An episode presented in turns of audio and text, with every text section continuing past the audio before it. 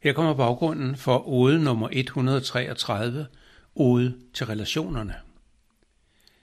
Jeg spekulerede på, hvorfra vi egentlig får inspirationen til at komme videre. Hvad er det, der føder os, giver os brændstof til at fortsætte rejsen, erfare ting og udvikle os? Jo, det er den inspiration, vi får i møde med andre. Når vi sidder i vores studerekammer eller atelier og tænker store tanker, så er brændstoffet den inspiration, som vi fik i mødet med andre mennesker. Tanker kan tænkes, og visioner kan skabes i enrum, men intet kan skabes uden inspiration, uden input. Vi har brug for noget at trække på, noget, som ligger uden for os selv. Og jeg tror, vi henter det i det meningsfulde møde med andre. Her kommer ode nummer 133, ode til relationerne. I de første minutter følte jeg situationen akavet. Jeg havde ikke set Ansi snakket med mig selv i månedsvis.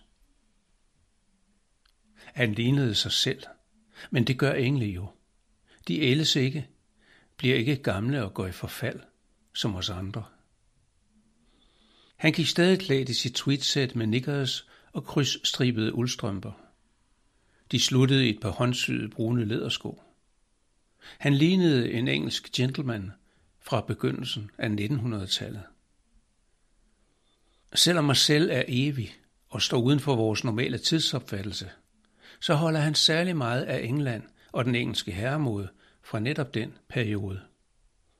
Han har aldrig fortalt mig om sine oplevelser fra sine år i industrialiseringens London. Det må jeg se at få spurgt ham om på et tidspunkt. Jeg sad på en bænk i Annebergparken og kiggede ud over Isefjorden. Jeg var flyttet hertil for kort tid siden, og var stadig i smerter over tabet af snare. Min trofaste følgesvend gennem mere end et årti. Der er ingen sorg uden kærlighed, sagde en stemme. Jeg røg næsten ned ad bænken, havde ikke hørt nogen komme. Men allerede før jeg drejede hovedet, vidste jeg, hvem jeg ville se. Min gamle ven, Marcel.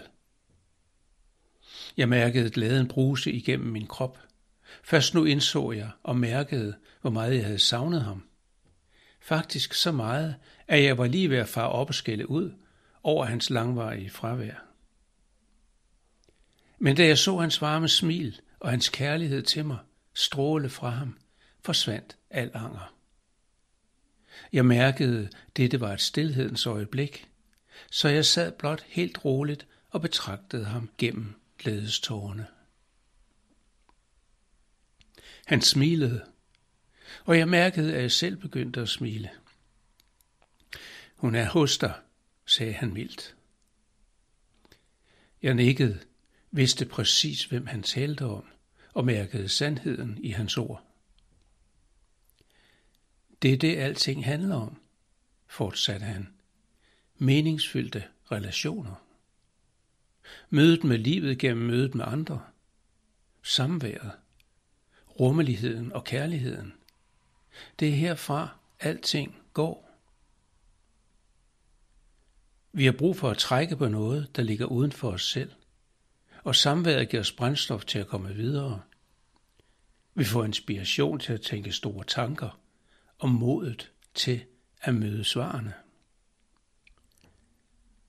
I samværet finder vi kærlighedens mange skikkelser, og alle de andre ting, som gør livet rigere. Det er herfra, alting går, sluttede han. Jeg vidste, han fortalte mig noget vigtigt. Jeg havde let efter sandheden, meningen med alting, alle tænkelige steder.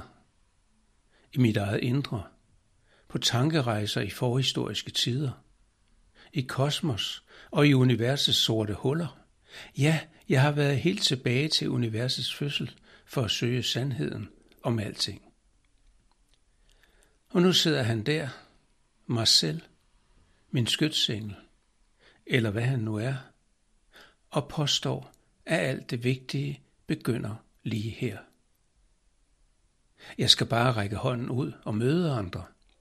Vær nysgerrig. Lad mig inspirere. Tag imod og give. Og jeg kan mærke, at han har ret. Jeg vender mig for at takke ham, men bænken er tom. Jeg springer op og banner og svogler højlydt. Marcel for fanden da.